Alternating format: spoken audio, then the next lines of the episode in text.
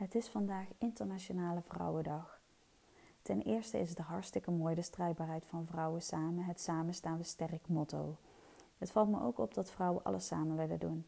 Connecten, in groepjes dingen samen doen, elkaar ondersteunen, samen is het sleutelwoord. Daar waar mannen elkaar gewoon opzoeken als ze elkaar nodig hebben, zetten vrouwen hele groepjes op en strijden ze voor constante samenwerking. Interessant, want hoe komt het dat vrouwen het zo nodig hebben?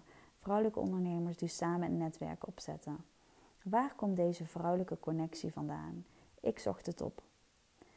Iedereen heeft zijn mond vol over netwerken. Dat netwerken zo belangrijk is en dat je eraan mee moet doen. Sommige vrouwen zetten zich daartegen af en vinden het overdreven. Niet nodig. Ze zijn er ook gekomen zonder netwerken.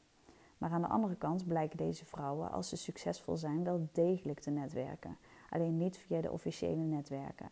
Eigenlijk netwerkt iedereen wel en zie je bij uiterst succesvolle vrouwen dat het ook uitstekende netwerkers zijn. Kennelijk gaat succes hand in hand met netwerken. Uh, de waarom en hoe vrouwen netwerken. Zakelijk netwerken vinden veel vrouwen lastig. Een vrouwennetwerk kan je daarbij helpen. De sfeer in een vrouwennetwerk is vaak vertrouwelijk, veilig, uh, vertrouwelijk en veilig. Uh, vrouwen herkennen zich vaak in zo'n omgeving. In een vrouwennetwerk kun je, als je er nog niet zo bedreven in bent, leren netwerken zonder al te veel stress. En stressafbouw. Uit wetenschappelijk onderzoek is vast komen te staan dat vrouwen stress anders afbouwen dan mannen.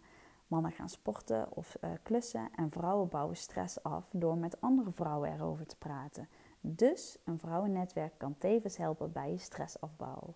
Top dames, zet hem op en blijf lekker connecten.